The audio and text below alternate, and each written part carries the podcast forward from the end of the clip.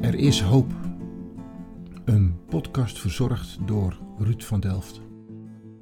Ik zoek God.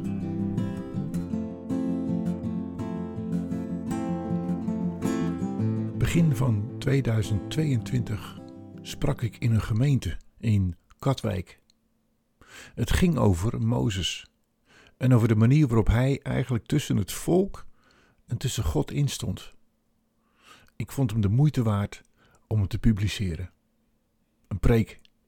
Veel zegen. Goedemorgen, geliefden. Ook ik wens u heil en zegen voor een nieuw jaar. 2022. Ik ben heel benieuwd en tegelijkertijd ook wel, uh, vind ik het spannend. Het is best wel indrukwekkend als we de twee jaren terugkijken en dan met die wetenschap vooruitkijken. Zo af en toe dan uh, ben ik geneigd om er een soort column van te maken, niet over 2022, maar ik schrijf dan eventjes achter mijn toetsenbord aan. En dit kwam er van de week uit. Roeping. Tijdens de lagere school wist ik het al. Ik wilde elektricien worden. Ik herinner mij nog de tekeningen die ik afleverde en de meester had ook al in de gaten dat dat de richting zou worden. Ik startte in de bouw. In de jaren tachtig werd ik kabelmonteur. Aansluitingen maken voor woningen en bedrijven. Het zware werk dus. En telkens bij het dichtdraaien van die deksel van die aansluitingen bad ik, Heere, zegen deze spijzen. Amen. Later vond ik mijzelf terug in de automatisering en bleef een zegen vragen. Ik riep tot God. Als accountmanager van de Nuon nam ik afscheid van het bedrijfsleven. Na twintig jaar roepen wilde ik God de kans geven. Als Hij het nu eens voor het zeggen heeft. Ik zie mijzelf nog de tuin in fietsen na een dag werken en ineens hoorde ik mijzelf tegen mijn vrouw zeggen: laten we God de kans geven om te praten. En nu, ruim twintig jaar verder, weet ik het zeker. Het zijn geen woorden, het is geen taal, Psalm 19. Toch weet God liefdevol te spreken en zegt Hij meer dan wij horen. Herman Vinkers sprak er al over in zijn uitjaarsconferentie. Hij zei: Luister eens naar een vogel die fluit, naar de wind door de toppen van de bomen, naar het klokken van een baby aan de borst van de moeder. God spreekt, God zingt, maar vaak voor dovemans oren. Ik wil mijzelf niet onderscheiden van de anderen, omdat ik mij geroepen voel. Ook ik blijf twijfels houden, maar ik weet wel dat God spreekt. Zijn eerste woorden? Mens, waar ben je? Heb jij het lef om te zeggen: Hier ben ik, zend mij? Durf je dat? Ik denk dat het zijn liefde is dat hij niet meteen het ons naar de zin maakt en alles regelt als wij tot hem spreken. Luisteren doet hij, maar hij zal niet meteen datgene geven wat wij verlangen. Hij geeft ons wel de ruimte om te kiezen. We zijn vrij om te luisteren en gehoorzaam te zijn. Dat maakt het praten met God tot een avontuur. En meteen tot iets gevaarlijks. Want stel je voor dat God luistert. Daarom beleef ik de stap die ik toen maakte als een roeping. Ik heb er mijn werk van gemaakt. Mijn beroep. Het kan zijn dat jij er ook je beroep van maakt. Maar waar je ook aan het werk bent, wat je ook doet, God ziet om en verlangt jouw stem te horen. Tegelijk daagt Hij je uit om te luisteren naar wat Hij te zeggen heeft. Durf je te oefenen in luisteren? Begin dan maar te denken aan een lied. Zonder het werkelijk te horen gaan de tonen door je gedachten heen. Als het ware luister je naar de melodie zonder dat je de klanken werkelijk hoort. Zou het kunnen zijn dat je met die oren ook God kan horen spreken? Maar weet dat het tegenovergestelde van spreken niet zwijgen is, maar luisteren. Want wie luistert, weet meer. Deze en nog veel meer avonturen die ik met God beleef, kun je terug horen in mijn podcast, God zoeken podcast. Dat even in de aanleiding, inleiding. Ik wil vanmorgen met jullie uit Exodus lezen, vertellen, even ruiken, even voelen, beleven. Ik ben van mening dat wij hier de op één na meest diepe crisis in de hele wereldgeschiedenis gaan meemaken. Zo heftig zelfs, dat ik het af en toe weer teruglees van, is het nou goed gegaan of niet? Het, was hier, het is zo spannend, het had hier bijna mis kunnen gaan. Kijk, het ergste moment was dat God zijn zoon stuurde naar de aarde. Dat is sowieso al heel heftig. Mens is. Hoe kan dat nou? God en mens. Vervolgens 33 jaar op aarde rondloopt, maar dan sterft. God die sterft. En ik stel me zo voor dat er vanuit de hemel naar beneden gekeken werd, gaat dit goed? Dat de adem werd ingehouden en dat er spanning daar stond van het kan ook misgaan. Het had zomaar mis kunnen gaan. Nou, dat is mijn literaire overdrijving die ik bouw, want we hebben het hier over God. Maar denk erom dat het spannend was. Het is niet zomaar iets geweest. Het is het meest indrukwekkende. Het op één na meest indrukwekkende moment in de Bijbel, is mijn mening, is in Exodus terug te vinden. Nou, ik hoop dat ik de nieuwsgierigheid losgeweekt heb. Ik zou zeggen, pak de Bijbel er even bij je. Ik heb niet een paar teksten, maar ik heb het verhaal er een beetje doorheen uh, willen pakken. En ik wil met jullie beginnen met het laatste vers uit Exodus 31. Het, het meest indrukwekkende moment dat God naar beneden komt. Met Mozes 40 dagen op de berg spreekt. En dan als hoogtepunt, als apotheose, schrijft God de tafel der getuigenis. Exodus 31, vers 18. En toen de Heere geëindigd, ik lees overigens uit de HSV-vertaling, maar elke vertaling vind ik geweldig. En toen de Heere geëindigd had met Mozes te spreken op de berg Sinaï, gaf hij, gaf God aan Mozes, de twee tafelen van getuigenis, tafelen van steen, beschreven met de vinger van God. Tafelen van getuigenis. Het is de wet. En dan denken wij, eh, je, zult, je moet, eh, eh, en, en die moet daaraan gedaan, en, dat. En, nee, het is gij zult. Of nog mooier vertaald, dan zult gij. Ik wil niet anders meer doen, omdat ik God in mijn leven heb toegelaten, niet anders meer doen dan datgene wat de tien geboden mij, zeg maar, opdragen. Dat ik daar niet aan kan voldoen, komt aan de situatie omdat we als gevallen wereld ook elk daar last van hebben. Maar ik wil niet anders dan mij uitrekken naar God. En door Jezus is dat mogelijk. Dus het is niet je mot, dan zult gij. Tegelijkertijd staat er dan, het eindigt zo kort, beschreven met de vinger van God. En Michael die gaf zojuist, las die psalm 8 voor, door, voor. Ik zou dan zeggen, jullie moeten van de, van de stoel geblazen worden als je zo'n psalm leest. Daar staat in de Statenvertaling dan over de sterren geschreven, Gods vingerenwerk. Dus die vinger die de tafel der getuigenis schrijft, is zeg maar ook dezelfde vinger die God gebruikt heeft om de sterrenhemel te maken. Gods vingerenwerk. Je ziet dat in Genesis, het staat er bijna sarcastisch in Genesis 1. In de Statenvertaling worden er drie woorden gebruikt voor het scheppen van de sterren. Er staat dan benevens de sterren. Oh ja, dat is waar ook. Er waren nog een paar van die rotsterren die ik nog even moest maken met mijn vingers. Ah joh, ah joh, dat doe ik toch even. Waarom staat het er zo sarcastisch? Wij zijn de kroon op de schepping. Jij. Je hebt een goed idee. God heeft jou bedacht. Daarmee wil hij in eerste instantie laten zien, dat moment dat ik daar met mijn vinger die sterren plaats. Dat moment dat ik de tien woorden van getuigenis schrijf. Prachtig is dat. Dat is zo mooi. En bij Psalm 8 dan, ja, ik krijg echt kippenvel. En ik heb het hier ook staan, Psalm 8. Dus ik vond het treffend dat, uh, dat het even voorgelezen werd. Het is zo'n mooi psalm. Zo mooi. Dat gebeurt er.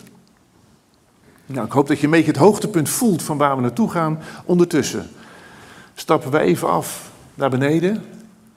En daar gebeurt iets wat Gods gruwel losmaakt. Hij is zo intens verbolgen wat hier gebeurt. Lees maar mee. Toen het volk zag, hoofdstuk 32, dat het lang duurde voordat Mozes van de, berg, af, van de berg afdaalde, kwam het volk bijeen bij Aaron en zei tegen hem: Sta op, maak voor ons goden die voor ons uit het land Egypte, uh, nee, sorry, voor ons uitgaan, want die Mozes, die Mozes, de man die ons uit het land Egypte geleid heeft, ja, wij weten niet wat er met hem gebeurd is. Is een beetje een postmodern hedonistische uitspraak. Maak voor ons. Doe iets, want ik wil dat ik iets in handen heb. Ik wil weten waar ik aan toe ben. Maak voor ons. En vervolgens zie je het volk, ja, want die Mozes, hij heeft ons uit het volk, uh, uit, uit, het, uit Egypte geleid. Die, hij. Dit moet je even vasthouden, want dit is een, een rode draad door het hele verhaal heen. Die Mozes. En hij krijgt de schuld dat, eh, dat het volk uit Egypte is gehaald. Dan zie je Aaron reageren als de geest van de mens. Aaron zei tegen het volk: Ruk de gouden ringen die uw vrouwen, zonen, dochters in hun oren hebben af en breng ze bij mij. Nou, dat gebeurt. En hij nam ze van hen aan, vers 4. Hij bewerkte ze met een graveerstift. Hij deed zijn best een graveerstift, maakte er een gegoten kalf van en zei toen, dit zijn uw, uw goden, Israël, die u uit het land Egypte geleid hebt. Wat een leugens gebeuren hier. Kijk eens, uw goden, een gouden kalf. En dat daar heeft u uit het land Egypte geleid. Nou, dan krijgt Aaron ergens een soort wroeging. En dan zie je vers 5. Toen Aaron dat zag, Terwijl hij er zelf dus de hand in heeft, de geest van de mensen hier ontstaan. Toen Aaron dat zag, bouwde hij er het altaar voor. En Aaron kondigde aan, morgen is er een feest voor de Heer. Ja, je moet het toch ergens weer goed zien te praten. Je ziet hem al zoeken naar, van, dit, hier, dit, hier is niet iets in de haak. Nou, de volgende dag is een feest. En dan er is sprake van eten en drinken, dus ze gaan helemaal uit hun... Uh, Penti vandaan en ze maken daar een feest van. En dan gaan we weer even terug en dan kijken we wat er gebeurt op de Sinaï. U kent het verhaal ongetwijfeld, maar ik wilde tot in de detail, tot in de gene even met u meegaan hierin. Moet dus opletten wat hier gebeurt. Toen sprak de Heer tot Mozes: Ga. En dat moet hij geschreeuwd hebben als kwaadheid. Zijn ze. Hele, nou, ik, ik heb daar geen woorden voor. Maar ik vraag me af wat daar gezegd is tegen Mozes. Ga. Daal af, want uw volk, uw volk, dat u uit het land Egypte hebt geleid, heeft verderfelijk gehandeld. Ze zijn gaan hoereren. Moet ik het nog erger zeggen? Ze hebben, ze hebben hier echt iets gedaan wat God zo ontzettend tegen zijn diepste zijn, zijn wil, van wie die is, ingegaan. Dat er maar niet anders is van eh, Mozes, dat volk wat jij uitgeleid hebt. Jouw volk, hè? Ze hebben iets gedaan wat, wat zo, zo tegen mijn goddelijkheid ingaat. Ze hebben andere goden voor mij neergezet. Zie hem staan, Mozes. Het volk zegt ja, die Mozes. En God die daar staat, ja, het is jouw volk. Staat hij tussenin?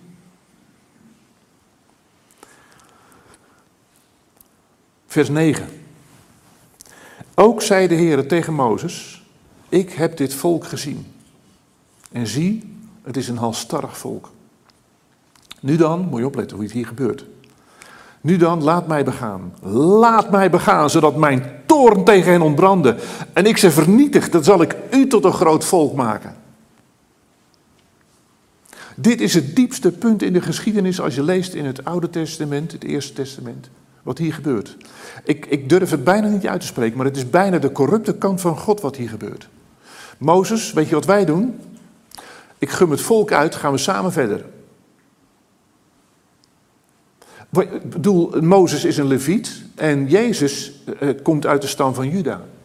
Dus daarmee zou God ook, zeg maar, de wortel vernietigen. En met Mozes verder gaan. Ik, ik neem me niet kwalijk als ik het zo strak neerzet, maar Mozes had hier dus alles in handen gekregen. Weet je wat we doen, Heer? Heerlijk. Weg van die, weet ik wat ik moet zeggen hierover, weg van die mensen, weg. We gaan samen verder. Samen, hutje op de hei, maken we er iets leuks van. Daar zijn we tenminste af van. Dat krijgt Mozes in handen hier. Ga, ga opzij, Mozes, laat mij maar begaan. Krijg ik je toestemming om dit te mogen doen? Dat hier echt mis kunnen gaan. Hadden we dan ook nog ooit gesproken over de gemeente, over de bruid? Of over. Weet ik niet. En dan zie je, dus Aaron heb ik even zojuist genoemd, kom ik straks op terug. De geest van de mens, hier zie je de geest van Jezus Christus in Mozes terug. Vers 11. Maar Mozes trachtte het aangezicht van de Heere, zijn God, gunstig te stemmen en zei: Heer, waarom zou uw toorn ontbranden tegen uw volk? Dat u met grote kracht en sterke hand uit het land Egypte hebt geleid. Waarom zouden de Egyptenaren zeggen met kwade bedoelingen heeft hij hen uitgeleid om hen in de bergen te doden en hen van de aardbodem te vernietigen? Heer, God, schepper van hemel en aarde, wat denkt u wel niet af wat u doet, wat de buren hiervan gaan zeggen? Ja, als het zo'n God is, zoek het maar uit. God, Mozes die God ter verantwoording roept. Wat denkt u, Heer, wat de, wat de buren hiervan zeggen? En dan vraagt Mozes: Laat uw brandende toorn varen en heb berouw over het kwaad voor uw volk. En dan, dit is zo bijzonder. Dan staat hier: Denk aan Abraham, Isaac en aan Israël, uw dienaren, bij wie u zelf, bij, bij, wie u uzelf hebt gezworen en hen tot een hebt gesproken. Ik zal uw nageslacht talrijk maken als de sterren aan de hemel mijn vingerenwerk. Dat is, dat is, hij heeft dat beloofd. En wat hier, wat hier gebeurt, is dat wij, wij kennen de God van Abraham, Isaac en Jacob. En Mozes zegt hier Abraham, Isaac en Israël. Je dat verschil tussen die twee namen? Daar zit zo'n cruciaal verschil in wat, wat Mozes hier zegt. Dat is Israël. Wacht eens even. Hij heeft die naam zelf gegeven. Hou vast, want dat, God neemt dit straks weer terug. Dat is een woordenspel tussen die twee geworden. En ik vind dat zo indrukwekkend mooi, zo mooi. Maar goed, hou het even vast, die spanning. Vers 14. Het komt goed. Toen kreeg de Heere berouw over het kwaad dat hij gesproken had, zijn volk te zullen aandoen. En Mozes keerde zich om en daalde de bergen af met de twee tafelen van getuigenis in zijn hand. Daar loopt hij, met die grote stukken steen, met Gods kunstwerk, naar beneden. De tafelen waren Gods eigen werk. Ook was het schrift Gods eigen schrift, in de tafelen gegraveerd. En Jozua, ik heb het vorige keer al gezegd, Jozua, Yeshua. Hij heette Hosea, en in Numeri kan je teruglezen dat Mozes hem de naam Yeshua geeft. Jezus' naam wordt hier voor het eerst in de Bijbel neergezet. Gegraveerd in de hemelse geschiedenis. In onze aardse geschiedenis. Om die twee weer één te maken. Christocentrisch nadenken over het Oude Testament. Jezus Christus terugvinden in de Bijbel. En hij zei: Er is oorlogsgeschreeuw in het kamp. Maar die zei, Of Mozes, het, zei hij tegen Mozes, nee, Mozes zei van het is niet het geluid van overwinningsgeschreeuw, ook niet het geluid van jammeren en bij een nederlaag, het is een beurtzang. En het gebeurde toen hij in de nabijheid van het kamp kwam en het kalf, de rijdanser, zag dat Mozes in woede ontstak. Hij wierp de tafel uit zijn handen, sloeg ze stuk aan de voet van de berg. Hij nam het kalf dat ze gemaakt hadden, verbrandde het vuur in, in het vuur, vermaalde het totdat het stof verpulverd was, strooide het uit op het wateroppervlak en liet de Israëlieten drinken. Om ergens toch maar een beetje de intense toorn en woede van God te vertalen van drinken zullen jullie, drinken. Van jullie eigen maaksel. En dan komt het moment dat Abraham, dat Mozes zijn broer opzoekt. En Mozes zei tegen Aaron, wat heeft dit volk jou gedaan? Jij, dat jij zo'n grote zonde over hen hebt, laten, hebt gebracht. Aaron, vertel eens.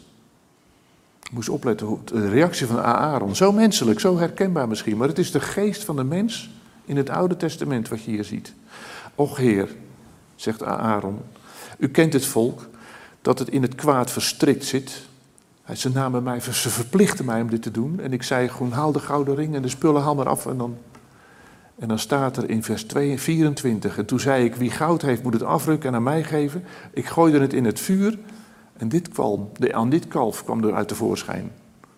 Ploep. Ja, dat kwam er zo, ik gooide het erin en ineens kwam dat kalf boven.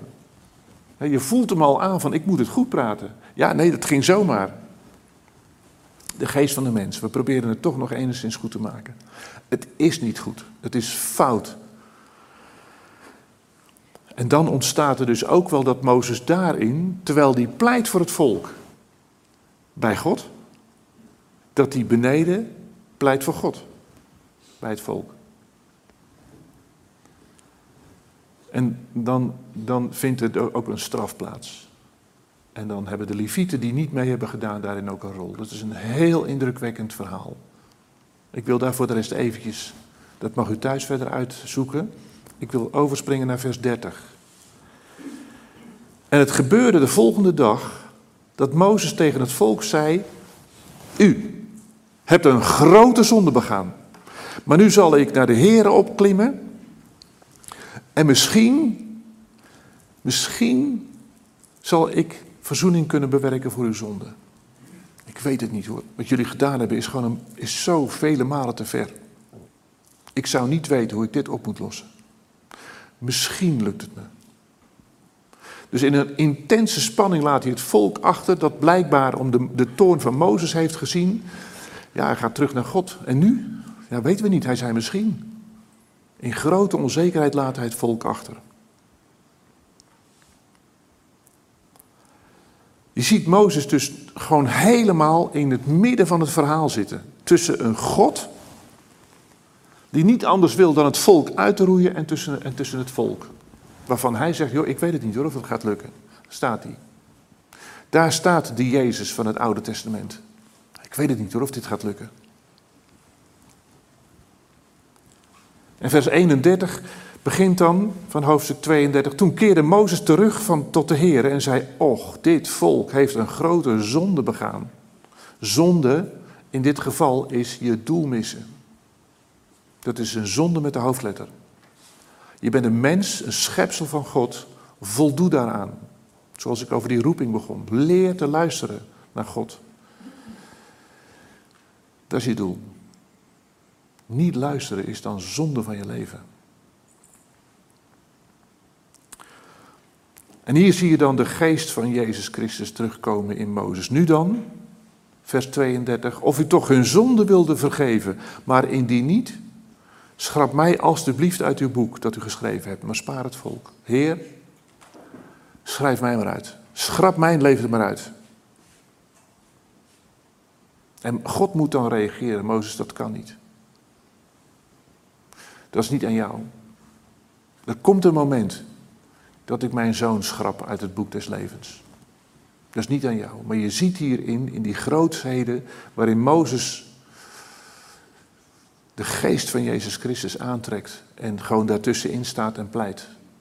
En daarin blijkbaar een stukje van het geheim van het evangelie terugvindt. In de manier waarop hij tussen God en het volk instaat. Het gaat nog verder, let maar op. Spannend, hè, of niet? We weten hoe het afgelopen is, maar dit is toch, dit is toch, ik krijg kippenvel dat ik hier sta. En dan denk ik ook bij mezelf van, waarom heb ik hier het recht om dit verhaal jullie voor te leggen? Maar doe alsof we niet weten hoe het afloopt. Loop met me mee. Toen zei de Heer tegen Mozes, wie tegen mij zondigt, zal ik uit mijn boek schrappen. Maar nu ga heen, leid het volk naar de plaats waarvan ik u, ik u, gesproken heb. Zie, mijn engel zal voor u uitgaan. Maar op de dag van mijn vergelding zal ik aan hun de zonde vergelden. Zo trof de Heer het volk, dat, eh, omdat zij een, een, kalf gemaakt hadden en dat Aaron had gemaakt hebben. Ik ga niet mee, Mozes. Ik doe het niet. Ik zend een engel voor hen uit. Ik moet er niet aan denken om maar een, een tel in hun midden te zijn. En ik ga vergelden. Ja, dat zal ik zeker. Dat zal ik zeker. Maar ik ga niet mee. Een engel. Nog een keer, hoofdstuk 33. Verder sprak de Heer tot Mozes: Ga heen, vertrek van hier, u en het volk dat u uit het land Egypte geleid hebt. Gaan we weer. Voel je dat, dat, dat daar die twee. Het is jouw schuld dat dat volk hier uit Egypte weggegaan is. Jij hebt het uitgeleid. Waarvan ik, zegt God, dan moet je opletten, hier komt hij. Ik zal maar even de zin overnieuw eh, zeggen. Ga heen, vertrek van hier. U en het volk dat u uit het land Egypte geleid hebt. Naar het land waarvan ik, Abraham, Isaac en Jacob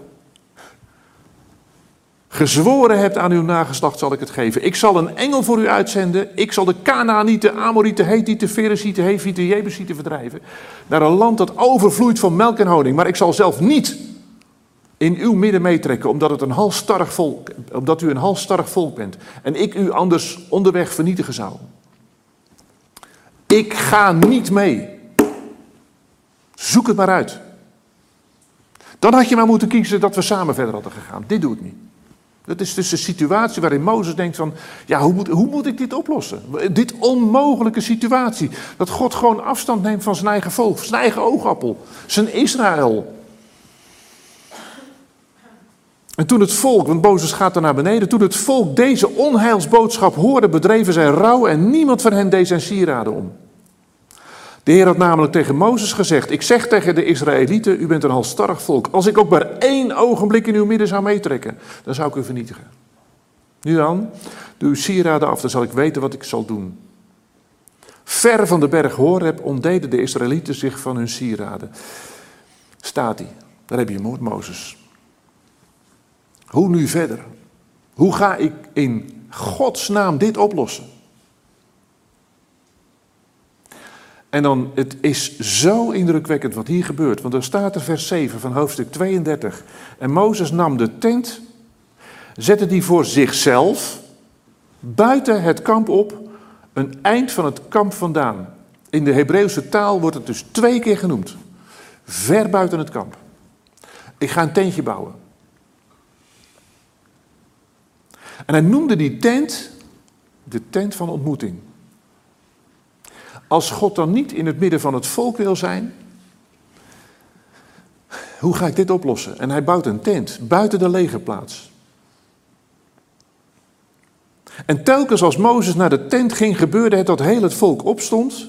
En dat ieder bij de, tent, de ingang van zijn tent ging staan en dat zij Mozes nakeken tot hij de tent was binnengegaan. Gaat hij de tent in en hij krijgt het voor elkaar. Hij krijgt het voor elkaar. Vers 9. Toen, zodra Mozes de tent binnenging, gebeurde het dat de wolkolom neerdaalde en bij de ingang van de tent bleef staan en dat de Heere met Mozes sprak. Hij moet toch op een of andere manier voor elkaar krijgen dat hij op zijn minst weer terug naar de aarde komt. Oké, niet, niet bij zijn volk, oké. Maar ik ga hem lokken. Ik ga hem lokken totdat hij het niet Ik weet hoe God in elkaar steekt. Hij zal naar beneden komen. Het gebeurt ook. Ik, ik maak er even wat bij hoor. Ik, ik heb, weet niet precies hoe het gegaan is, maar ik stel me zo voor hoe spannend dat geweest was.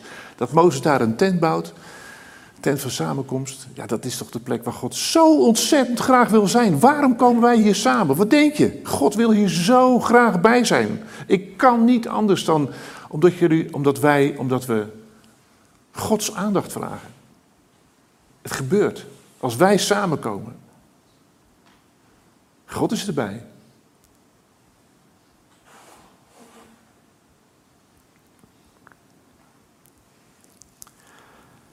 Daarna keerde Mozes terug naar het kamp, maar zijn dienaar Jozua, de zoon van Nun, een jongeman, week niet uit het midden van de tent. Die denkt van hier moet ik wezen.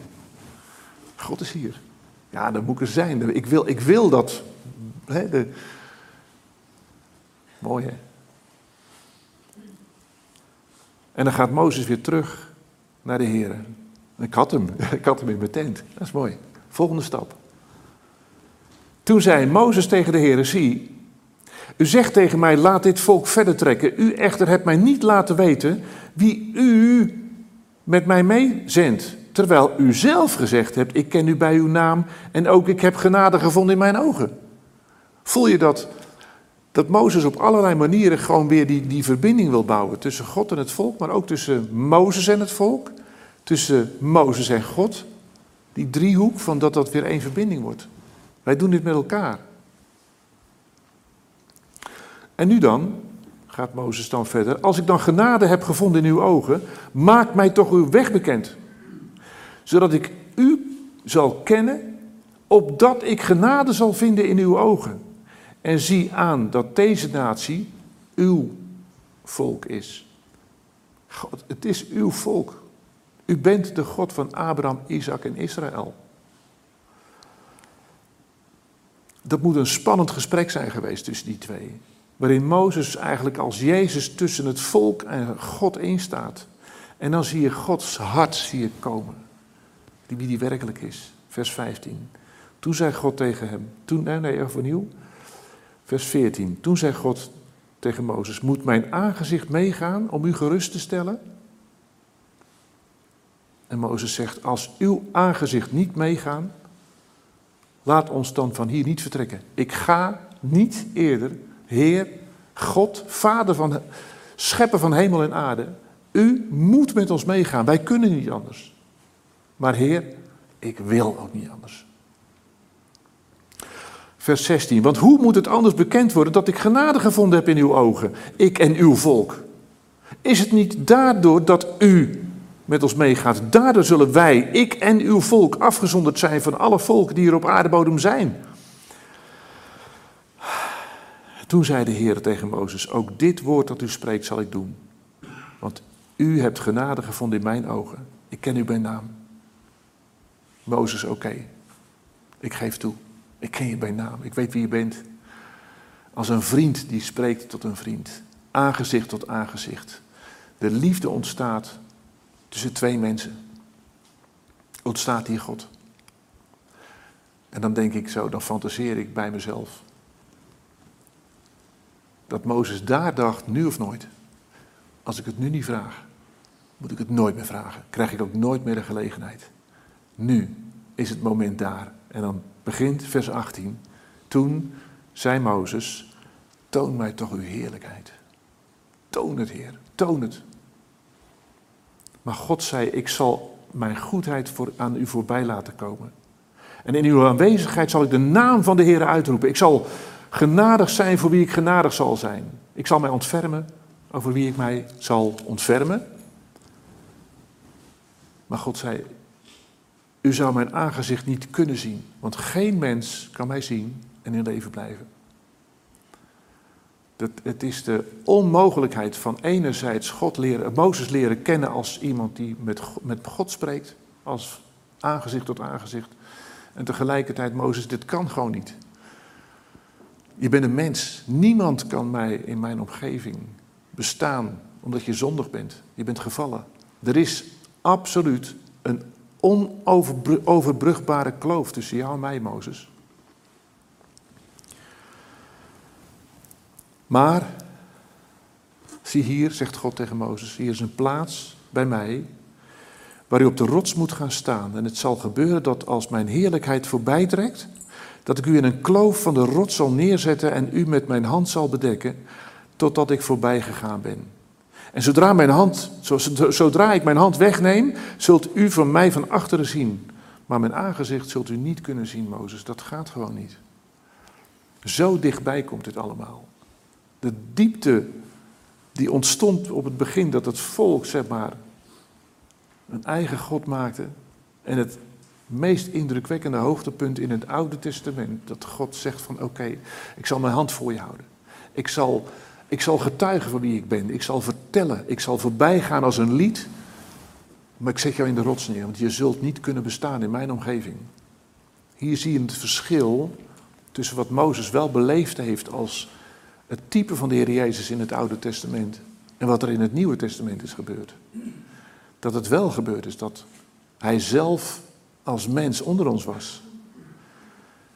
Dat geheim weet ik niet. Het is te groot. Het is te ver. Ik voel me ook niet ertoe uh, bij machten om te vertellen hoe dat nou precies zit. Maar ik wil het vertrouwen. In het volle vertrouwen, Heer.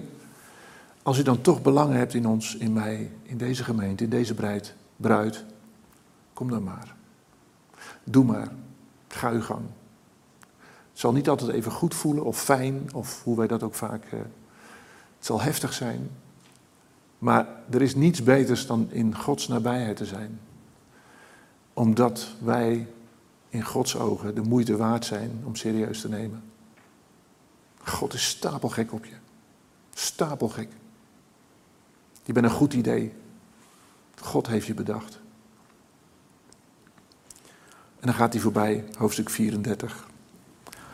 Vers 5. Toen daalde de Heere neer in een wolk en ging daar bij Mozes staan en riep de naam van de Heere uit. God getuigt van zichzelf.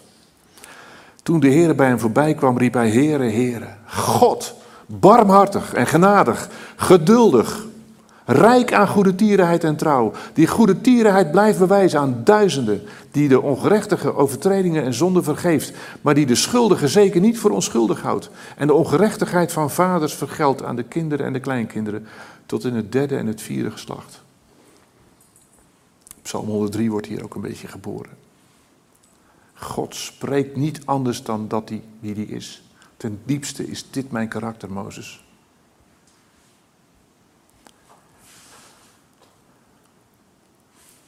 En daarna spring ik even naar vers 29 en daar wil ik even mee afsluiten. Daarna gebeurde het. Toen Mozes van de berg Sinaï afdaalde. De twee tafelen van getuigenis waren in Mozes' hand, die waren opnieuw geschreven. Toen hij de berg afdaalde, dat Mozes niet wist dat de huid van zijn gezicht glansde, omdat de Heere met hem gesproken had. Ergens is die glans ook in jou, omdat God ervoor kiest.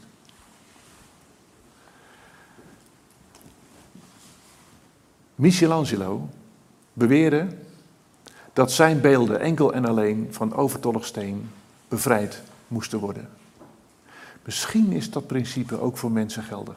Want het lijkt mij geweldig om jou zo uit de verf te zien komen. Michelangelo heeft een beeld gemaakt ik heb het. Kent u het beeld misschien of niet? Dit staat in een kerk in Rome. Het staat niet in de Pieterskathedraal, uh, in de Pieterskerk. Maar een kerk vlakbij het Colosseum. Hij kijkt daar, zeg maar, als ik hem recht hou, dan zie je hem scheef. Hij staat dan in die kerk en dan, kijkt, en dan kom je binnen en dan zie je hem, dan kijk je hem recht in zijn gezicht. En hij kijkt met ogen van, wat kom jij met mijn kostbare tijd doen? Zo kijkt hij je aan. En toen Michelangelo dit beeld maakte en klaar was, het verhaal gaat, en klaar was dat hij achter, achter, naar achteren liep. En zo onder de indruk was van de grootsheid die uit dit beeld ontstond, dat hij met een bijtel naar een, een Mozes smeet, zeg maar, en dat kwam dan op zijn knie terecht. Er zit een beschadiging op die knie, misschien is dat daarvan. En dat Michelangelo uitschreeuwde: Spreek dan toch, spreek dan toch. Zo bijzonder is Mozes in het Oude Testament, in ons, in ons leven, in, in, in, in wat er gebeurd is. En nou zeggen mensen van ja, uh, glanzen. Ik, ik, spreek geen Hebreeuws, ik heb het van horen zeggen. Maar de, de, de glans van zijn gezicht is KRN, krn, karan of kern. Uh, kern is dan gehoornd En Karan is glanzend. Dus dat is in feite bijna dezelfde basis, alleen anders uitgesproken. En wat Michelangelo gedaan heeft, en dan zeggen ze ja, die heeft gewoon de Bijbel niet goed gelezen. Die heeft er twee hoorntjes opgezet, twee plukjes haar omhoog. Omhoog gezet, als het ware, gehorend. Maar Michelangelo, dat kun je terugvinden van, was wel degelijk in staat om de Hebreeuwse taal te vertalen in dit beeld. En je ziet hem dan ook met twee plukjes haar. Hoe kan je in een beeld weergeven dat Mozes een glanzend gezicht had? Hij had iets van God zelf gezien. Als je hem dan ziet zitten in die kerk, zo imposant. Ik heb er een beeldje van gekocht, het staat op mijn bureau. Om, om toch te zien hoe God met mensen omgaat. Ik denk, nou ik neem het mee, ik vind het misschien indrukwekkend om even dat vorm te geven in dat op deze manier God omgaat met mensen. Tot in het diepste punt eigenlijk gewoon God Mozes de ruimte geeft van, kies maar. Michelangelo die lukte het om dat op zo'n manier te verwoorden. Je zit, je zit er met de twee tafelen van getuigenis. En zelfs het verhaal gaat dat die Michelangelo zijn eigen gezicht nog in de baard heeft verwerkt, maar dat weet ik niet. Dat durf ik niet te zeggen. Het helpt mij te herinneren aan een dieptepunt in het Oude Testament, wat uiteindelijk gloreert naar een heenwijzing naar het hoogste punt die wij in de wereldgeschiedenis kennen, Jezus Christus op aarde. Ga lekker naar huis zometeen en lees het nog eens na. Voel mee de spanning waarin Mozes stond en het kan zijn dat jouw leven ook niet loopt zoals jij misschien wil. Maar wel dat het Jezus is die daarin gloreert. Dingen gaan niet vanzelf, hoeft ook niet. Maar God is erbij. Zullen we met elkaar bidden? Trouwe God, liefdevolle Vader, schepper van hemel en aarde. Heer, ik, ik heb woorden schieten tekort om, om juist datgene te vertellen, Heer, wat ik zo graag zou willen. Het, het borrelt in me, maar ik krijg het niet voor elkaar. Zo immens groot bent u. En wat heeft u gedaan door de wereldgeschiedenis heen, dat u het voor elkaar krijgt, notabene, om mens te worden? Op een manier die wij niet kunnen begrijpen. En toch heeft u het gedaan. Toch heeft u gezegd van ik zie om. Ik kan niet anders, want jullie zijn mijn oogappel. Israël voorop en wij met hen, met uw volk. Dank Heer dat u op zo'n volwassen manier met ons omgaat. Dank Heer dat we mogen groeien. Dat we de tijd krijgen met ontmoetingen, met samenkomen, met lezen, met zoeken, met bidden, met zingen. Om te ontdekken, Heer, wat u gedaan heeft, wat uw evangelie is. Stort uw zegen uit, Heer, want we hebben het zo hard nodig. En tegelijk, we willen zo graag tot zegen zijn. Ga zo met ons mee, Vader. Zo wil ik bidden. Zo wil ik danken. In Jezus' naam. Amen. God zoeken is een podcast die ik maak om met mensen in gesprek te komen over God. Het was Blaise Pascal die in zijn boek Pensées mij de keus voorlegde. Het kwam hierop neer: geloven in een God die niet bestaat, of niet geloven in een God die bestaat. En door met mensen te spreken wil ik mijn zoektocht kleur geven en hoop dat jij daar ook door geïnspireerd wordt. Vond je dit een mooie podcast? Laat het mij weten. Of geef een ranking Misschien heb je een tip of weet je iemand die ik zou kunnen interviewen. Laat vooral een reactie achter. Of je kunt mij mailen. Ruud